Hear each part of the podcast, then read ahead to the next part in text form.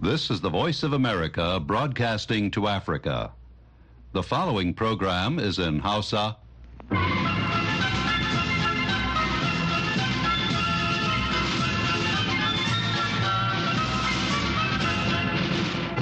Sashen Hausa na murya Amurka ke magana daga nan birnin Washington DC.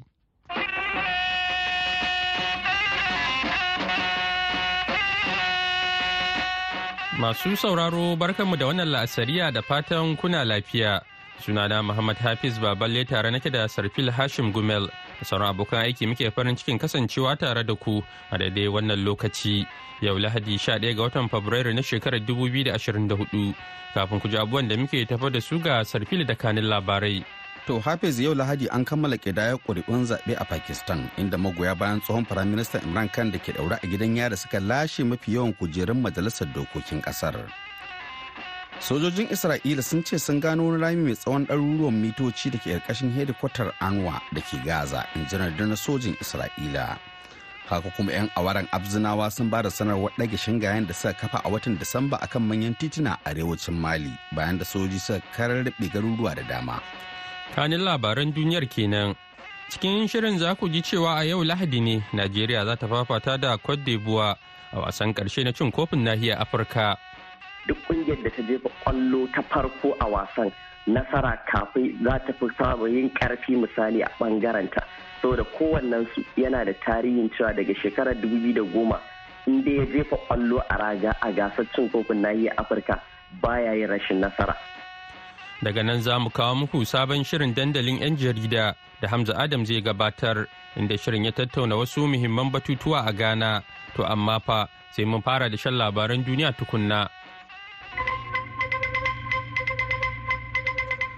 To jama'a salamu alaikum. Da fatan an yi lafiya. Ga labaran duniya.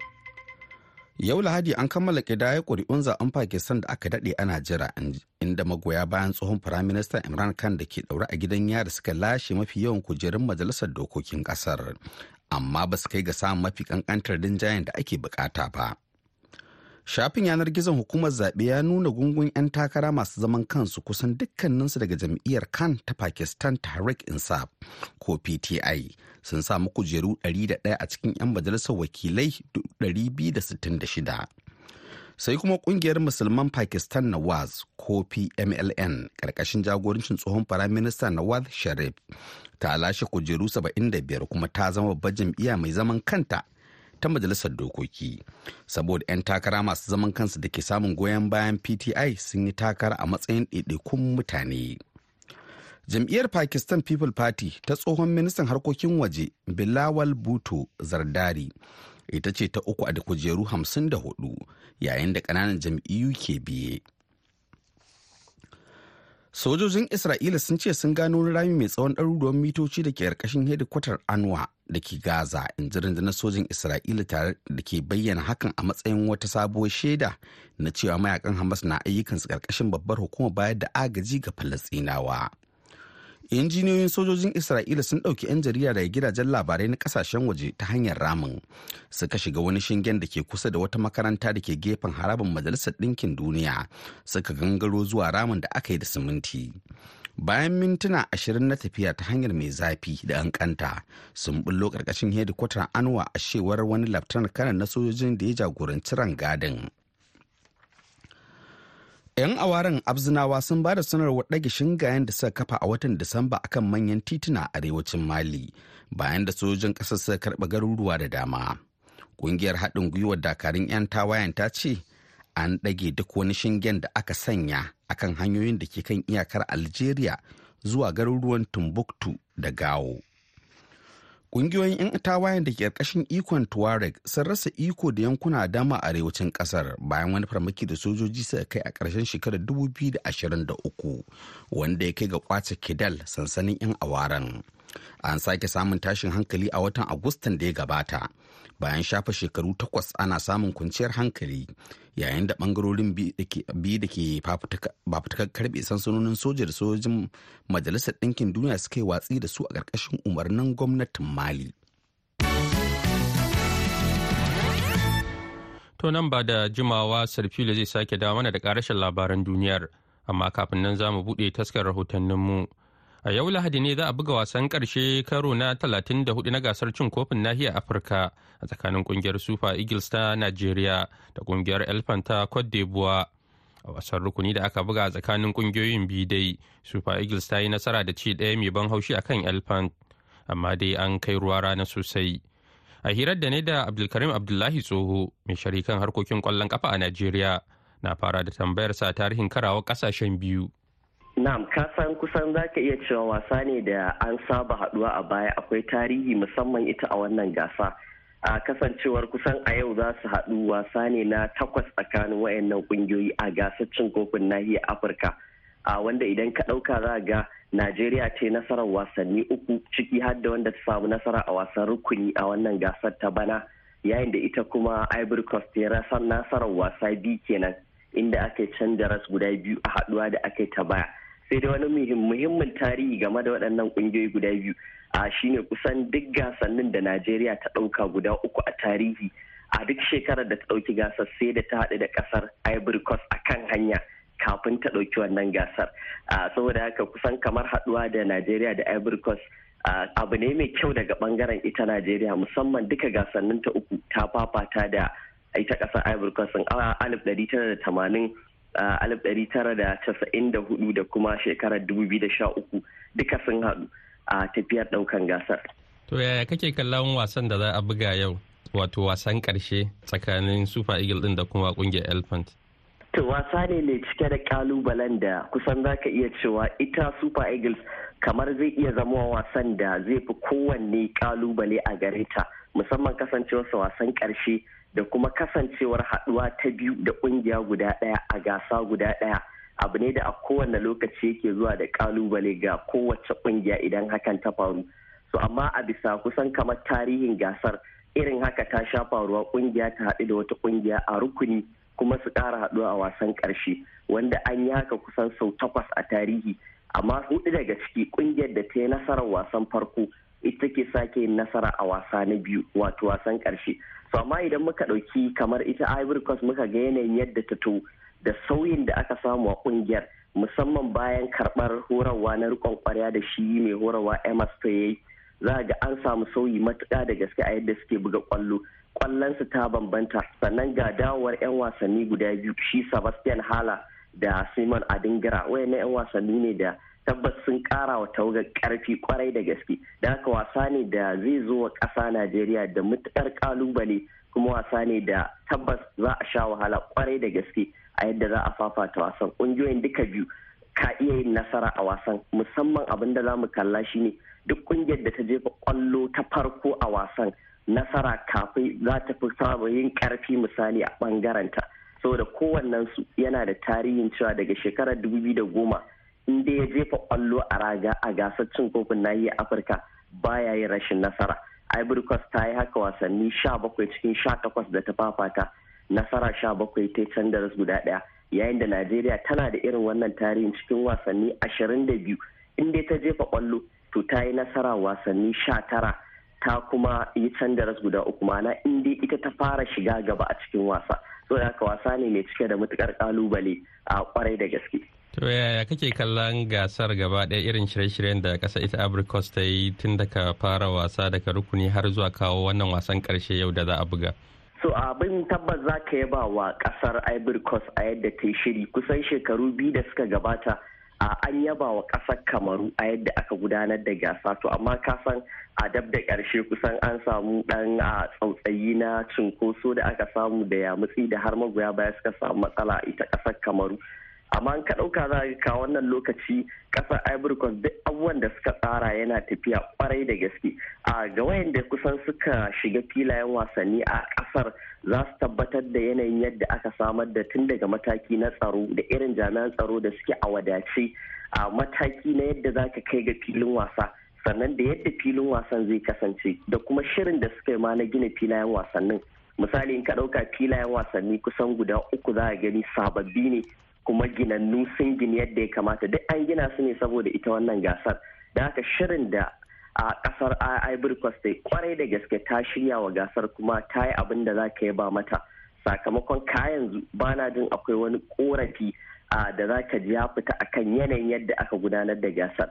Wannan ya ƙara tabbatar da gasar a matsayin gasa mafi inganci da aka gudanar kuma mafi jan hankali. Mai sharhi kan harkokin ƙwallon kafa a najeriya abdulkarim abdullahi tsoho kenan a hirar da ne da shi. Yanzu kuma gasar fil ya dawo mana da karashin labaran duniyar. A yayin da 'yan najeriya musamman talaka ke ci gaba da kuka da tsada da hauhawar farashin masarufi a kasuwannin ƙasar masana tattalin arziki na ganin matakan da gwamnati ke ɗauka da ƙyar zai tasiri idan dai ba a kawo ƙarshen matsalar tsaro da kuma dawo da tallafin man fetur da buɗe iyakoki domin shigar da abinci cikin ƙasar ba. Masanin harkar gona farfesa abubakar gudigi na jami'ar ibrahim babangida da ke lafai ya ce da sake a wannan dabara ta gwamnati kamar yadda za a ji a wannan rahoton na babangida jibran matakin da gwamnati ta ɗauka na ƙayyade rashin abinci ba shi zai kawar da yunwa ba. Da yawa in ka shiga kasuwannin kawai zaka ci ma manoma suna fito da abinci na sayarwa. Amma masu saya suna ɓoyewa. Su ne ya kamata gwamnati ta bincika su waye ne masu ɓoye abinci domin ya yi tsada. Suna saya hannun manoma domin su ɓoye don ya ƙara tsada su su zo su sayar. Su ne ya kamata a ɗauki mataki a kan shi. da koya jama'a suka ji da wannan hukunci a wannan hali na tsada abinci a najeriya da kuma matakan da suke so gwamnati ta ɗauka ga dai abin da wasu talakawa ke cewa. To kaga ai wannan dama shine kusan kashin bayan makasudin shiga halin da ƙasar ta yi na karin na janye tallafin mai da gwamnatin tarayya take ma al'umman kasa babu wani abu wanda talakan kasa yake amfana da shi babu shi. A ɓangaren sa dai farfesa na harkar noma bakar gudigi cewa akwai buƙatar gwamnati ta ɗauki matakai da dama kamar haka. Amma don an hana sai da abinci manomi bai da abin da zai sayarwa ba yanda zai samu kuɗi sai ya sai da kayan gona dole ya kawo kayan gonan shi a kasuwa ya sayar domin ya samu biyan buƙata. To idan aka ce ya sayar a arha sannan sauran abubuwa kuma ba su yi arha ba shi kuma kaga manomi an cuce shi. Amma masu saya su ɓoye domin suna nan a kasuwannin ƙauye su shiga su je su sawo su ɓoye su ya kamata gwamnati ta bincika su waye ne. Babangiji Jibril Amurka daga Lagos. To a gaida baban gida jibirin ƙarshen labaran kenan.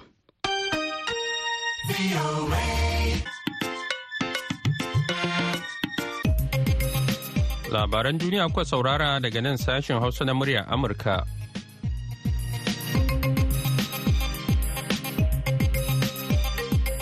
Madalla, yanzu kuma sai shirinmu na gaba. damina da ruwa da iska bai hannun aikin jarida. Sanyi bazara da ra'aniya ba su fashin jarida. Su kuki rukuki jomurda ba su taɗe ɗan jarida. A kaɗa a raya suna a nan assalamu alaikum jama'a masu sauraro. Barkanmu da warhaka. Barkanmu kuma da sake saduwa da ku a kan shirin nan na dandalin 'yan jarida.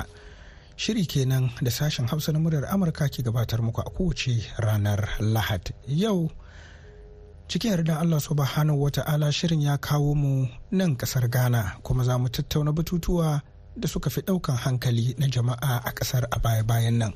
Batutuwa biyu za mu tattauna a kai. Na farko batu mai nasaba da rikicin kabilanci wanda ya kici ya cinyewa a nan ƙasar ghana. Mun tattauna da fadawanmu haka zalika hukumar alhazai ta ƙasar ghana ta fitar da kuɗin aikin haji na shekarar 2024 ko nawa ne? Mun tattauna da fadawanmu. Kuma fadawan namu sun kasance fitaccun 'yan jarida ne a nan ƙasar ghana da suka hada da abdullah shamun bako na sashen hausa na rfi tare da fahad adam wakilin sashen hausa na bbc sunana hamza adam da mun sake dawowa mun tattauna akan maudu'an gabaki ɗaya. Kocin mutum ci ba shi sauyin ɗan jarida, ɗan uwa na ɗan jarida, ba gudu ba ja da baya. To da ma masu sauraro barkanmu da sake dawowa kamar yadda na sanar da ku da farko na tare da ni a hali yanzu Abdullahi Shamun Bako wakilin sashen hausa na rfi daga nan ƙasar ghana tare da fahad adam na sashen hausa na bbc uh, za mu fara kan batun rikici na kabilanci wadda yake yin sanadiyan hasaran rayuka tare da tarin dukiya na jama'a. Wasu ma suna rasa matsugunansu sakamakon wannan matsala da ake fuskanta daga nan ƙasar ghana. Kuma yana ci gaba da mai da hannu agogo baya a ƙoƙarin da gwamnati ke yi wajen samar da ci gaba musamman a wasu yankuna. barin soma da abdullah shamun bako na wato sashen hausa na rfi shamun rikicin kabilanci da ghana tana fuskanta sosai ba ma yankin bako ba akwai wato yankin nan na unkwanta ta kudu bunfurgu da wasu wujaje a nan ƙasar ghana masu sharhi kan harkan tsaro da zaman lafiya a nan ƙasar ghana. Sun ba da shawarar cewa tunda gwamnati tana ɗaukan mataki na wato inganta doka na hana fita ba a samun yadda ake so. Ya kamata ta tinkari matakin nan na sulhu yiwuwar za a iya a samu maslaha kai. Don saboda yankin dagban da ke nan ƙasar ghana da aka yi zama a teburin sulhu an samu yadda ake so. A matsayinka na dan jarida kana ganin wannan mataki har gwamnati ta ɗauka a iya samun biyan buƙata? Eh ƙwarai kuwa wannan batu na rikicin kabilanci da ke mamayar wasu sassan kasa baki ɗaya abu ne mai matuƙar damuwa. La'akari da cewar batu da jibanci kabila batu ne da al'ummar ghana ba sa wasa da shi. La'akari da cewa kowa na sai kare kabilarsa da mutuncin kabilarsa. To abu ta haka ne wannan da ake gani a tsakanin kusaci da manfurusi. Ya daɗe yana nan yana cewa ƙasar ghana ma su tuwo a kwarya akan cewar har yanzu ba a samu maslaha ba kuma ana ci gaba da sarwata rayuka. Matasa na ci gaba da neman hanyoyin samun rikin bindiga da sauran makamai suna hallaka juna akan suna na kabila to an yi ƙoƙari gwamnati ta shiga cikin batun domin samar da matsala ba ta yi nasara ba. An gana da jami'an majalisar kula da tsaro na wannan yankin su kuma ba su iya ba. Don kuwa irin wannan abu ya faru a wancan lokacin tsakanin abudu da andani. Wannan ma ƙofa ne guda biyu na kabila ɗaya na dogomba amma da yake akwai ɓangaren harshe na yare guda ne amma harshen ya bambanta. To sai aka samu matsala. Har ya kai ana kashe-kashe. Amma an ga irin rawar da gwamnatin nan nana na don kokuf ado ta taka wajen kawo maslaha wanda ya sa aka bi tafarkin wato sulhu. Sulhu shine an ka kira ɓangarorin biyun. Kowa ya yi haɗiyar zuciya kuma kowa ya fito da maganar aka fito da maganar gwamnati ce to menene abin da kuke buƙata daga gare mu? Suka ce a wannan matsalar gaskiya ga irin matsalar da ya kawo mana ya sa ƙasar mu samu ci gaba. Ana nan ana fama da matsalar yunwa a kasarin al'ummar wannan yankin. Suna noma ne kuma babu harkar noma da sauransu. Kuma dole ne kuma a nemi wani hanyoyi na samar matasa aiki. Aka yi waɗannan duka sai kwantar waɗannan ɓangarorin biyu to ina ganin yadda aka aka samu maslaha wato a yaƙi ko rikicin da ke tsakanin abudu da andani har yasa yanzu aka ayyana sarki na wannan yanki. To muna ganin irin wannan rawa ya kamata gwamnati ta taka. Ana kyautata zata a matsayin 'yan jarida. Idan an yi hakan za a samu maslaha. Masha Allah Abdullahi Shamun Bako ina godiya ƙwarai da gaske. Barin zo kan Malam Fahad Adam. Malam Fahad Adam mu duba harin da aka kaddamar kwanakin baya da suka gabata wanda ya sanadiyar mutuwar akalla mutane huɗu daga yankin Boko a jihar maso gabashin ƙasar Ghana. Ya sanya babban jami'i na gwamnati da ke tafiyar da harkokin Boko wato Honorable Hamza Amadu. da ya kasance shugaban karamar wato wannan hukuma ne inda ya bayyana cewa shi zatin kansa ma rayuwarsa na cikin hatsari shin za ka iya cewa wannan matsala da ake fuskanta daga boko a yankin jihar maso gabashin ƙasar ghana yadda mutane ke ci gaba da ficewa daga yankin domin neman mafaka ana rufe makarantu masana'antu na baya-bayan nan ma hukuma da ke samar da ruwan famfo ita kuma ta janye ko da yake eh, hukumomi sun bayyana cewa eh, za a ringa tsare lafiyansu har na sa'o'i 24 don saboda su su taimaka a samu ruwan sha. Eh, kana ganin a iya cewa ghana tana daga cikin ƙasashe da suke fuskantar matsala ta rashin tsaro dubi da abin da ke faruwa daga boko? Zan iya cewa ghana ba ta ba ta shiga cikin ƙasashen da a ce tana fama da tsaro ba. Matsalar rashin tsaro a ta fita da hankali ne idan ta fantsama ko kuma idan aka ce tana inda yake tani kamar birni kamar babban birni. So wurare da ba wata ƙasa a duniya da irin wannan matsaloli ba sa faruwa jefi-jefi a wasu yankuna na ƙasashe. Idan ka duba tarihi na duniya za ka ga ƙasashe da yawa ba ma na afirka ba kawai hadda na turai wasu ma da asia za ka ga suna fama da jefi-jefi bangarori ko kuma jihohi suna fama da rashin tsaro. Amma ba za a iya cewa wannan matsalar tsaro ba ce a duk da yake dai matsala ce amma ba za a cewa Ghana ta shiga ƙasashen da ake fama da matsalar tsaro ba sam. Saboda kuma dalili na biyu kuma shine idan ka duba irin aiki da shi wannan sabon feta 'yan sanda janar na kasa shi damfari yake yi. Na'am igp george akufu damfari na'am. da muke cikin aka yau da kullum a za ka ringa jin labari ko rahotanni na fashi da makami wanda yake har a yi sanadiyar rasa rai. So mun jima gaskiya rabonmu da irin wannan. Abinda nake nufi shine ba ka jin ana aikata manya-manyan miyagun ayyuka na laifi. Kamar misali kada an ce rampant kidnapping ana ana sace mutane ko da yaushe. Domin karɓan kuɗin sana'am ya ko kuma kada an ce wurare daban kamar misali a ce wurare daban-daban. A yayin ka duba mafi yawancin rikicin ta wannan sashin ne. Kuma in dai ba ya fantsama ya shiga wani sashi daban ba to na ga muna da jami'an tsaro da yake amintattu ne wanda yake mun mu da ni da kai mun yadda da su cewa za su iya yin abin da ya kamata domin a magance wannan magana ta tsaro. To madalla eh, Fahad eh, Adam da tsokaci da aka gabatar. Jama'a masu sauraro ku dakace mu. Da mun sake dawowa mun tattauna akan maudu'inmu na biyu. Damina da ruwa da iska bai hannun aikin jarida sanyi mazara da ra'ayi. To da ma masu sauraro barkanmu da sake dawowa daga hutun takaitaccen lokaci kamar yadda na sanar da ku da farko. Muna da jerin maudu'ai da za mu kammala.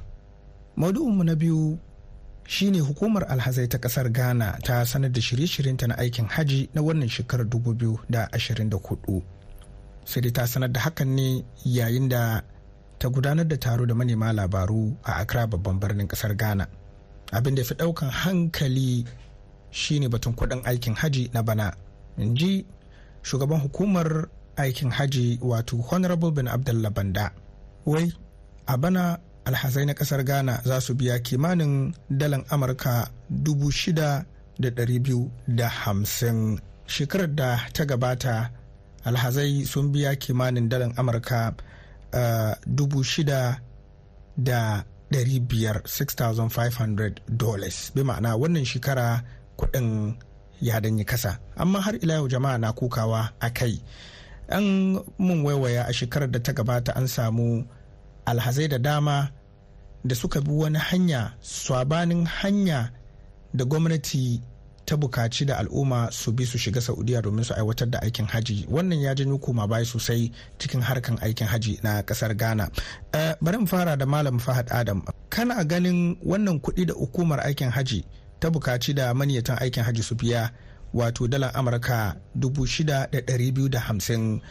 Uh, kana ganin ya yawa ko dai har ila yau uh, yana ainihin kasa? Don saboda akasarin maniyatan aikin haji da masu sharhi kan harka na aikin haji a nan ƙasar ghana suna kwatanta kuɗin da alhazai na ghana ke biya ne da wadda najeriya ke biya. Ko da yake najeriya suna da wato irin nasu tsari wadda yake ya bambanta da namu na ghana. Don najeriya ana ba da wato guzuri haka zalika eh, kujeru ne suna nan eh, daban-daban. Eh to kaga maganar aikin haji gaskiya idan ka duba abin da za ka fara dubawa shine banda kuɗin da ake biya shine da me da me suke yi menene ya kumshi aikin hajji abin da aka fara duba kenan. Abin na farko da ya fi tsada shine kuɗin jirgi. Mu da ni da kai mun san yadda jirgi yake da tsada a tilis ko baka biya ba dai da wasu abubuwa wasu expenses.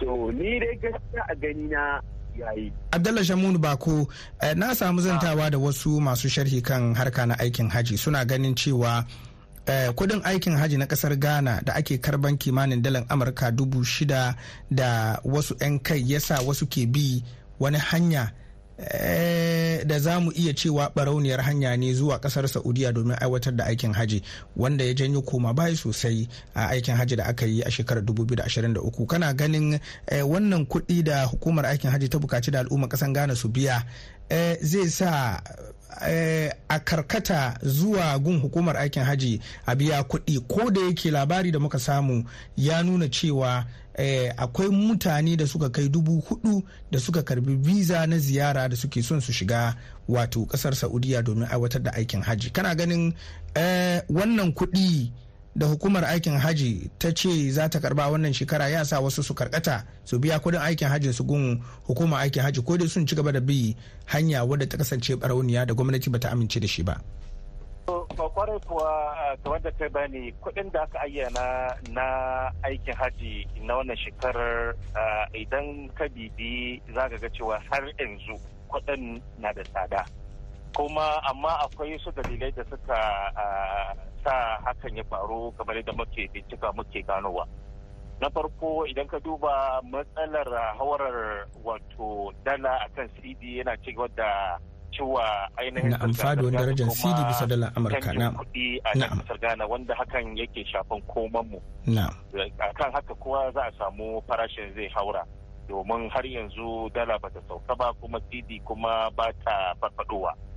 Sai kuma abu na biyu idan ka dubi wato duniya baki ɗaya kaga cewar akwai sauyi kuma abubuwa sun tashi farashin kayayyaki na duniya masu tashi. A bisa hakan bayanan da muke samu daga wato shugabanni ko shugaban hukumar aikin hajji wani abubuwan abdullah banda da shauran manya da suke tafiyar da wannan harkoki na aikin hajji sun nuna cewa ainihin samar da ɗakunan kwana na mahajjata otel-otel farashi ya karu.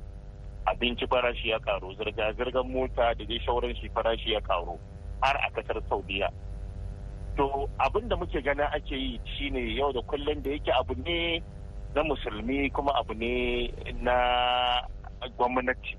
To sai mu ga kamar gwamnati ta yi wato ɗebe wa al'ummar musulmi nauyi wato ta yi a irin ragowa haka sauransu da gwamnati ke yi na irin abaka ya zo sai ta ce ita ta ɗauki kaso goma to al'ummar ta to ba mu ga haka ba so samu ne da mu abin da muke zata za mu gani kenan amma sai kuma bayanan nasa na nuna cewar ƙasar Ghana ma ta ƙoƙari. Damina da ruwa. to da ma masu sauraro duka-duka kenan yau mun tattauna a kan batun matsala na rikicin kabilanci tare da batu na aikin haji a nan ƙasar Ghana. Sunana Hamza na muku dukkanin ku baki da fata na alkhairi. Wassalamu alaikum wa rahmatullahi wa barakatuh. A gaida hamza adam yanzu kuma ga labaran duniya a taƙaice. To a taƙaice yau Lahadi an kammala kidaya ƙuri'un zaɓen Pakistan da aka daɗe ana jira inda magoya bayan tsohon Firaminista Imran Khan da ke ɗaura a gidan yari suka lashe mafi yawan kujerun majalisar dokokin ƙasar amma ba su kai ga samun mafi ƙanƙantar rinjayen da ake buƙata ba. Sojojin Isra'ila sun ce sun gano wani rami mai tsawon ɗaruruwan mitoci da ke ƙarƙashin hedikwatar Anwa da ke Gaza in ji rundunar sojin Isra'ila tare da bayyana hakan a matsayin wata sabuwar shaida na cewa Hamas na ayyuka a ƙarƙashin babbar hukumar bayar da agaji ga Falasɗinawa. 'Yan awaren Abzina sun ba da sanarwar ɗage shingayen da suka kafa a watan Disamba akan manyan tituna a arewacin Mali bayan da sojojin ƙasar suka karɓi garuruwa da dama. To masu sauraro da kuma haka muka kawo ƙarshen shirin na yanzu sai kuma an jima da daddare za mu sake dawa da wani sabon shirin idan Allah ya yarda. Yanzu kan a madadin Sarfil Hashin Gumel da ya karanto labarai sai kuma Fiona Wamai da ta ba da umarni da kuma injiniyan mu na yanzu Kevin. Daga nan birnin washington dc ni muhammad hafiz baballe ke cewa sai mun haɗu insha Allah a cikin shirinmu na dare. Salamu alaikum.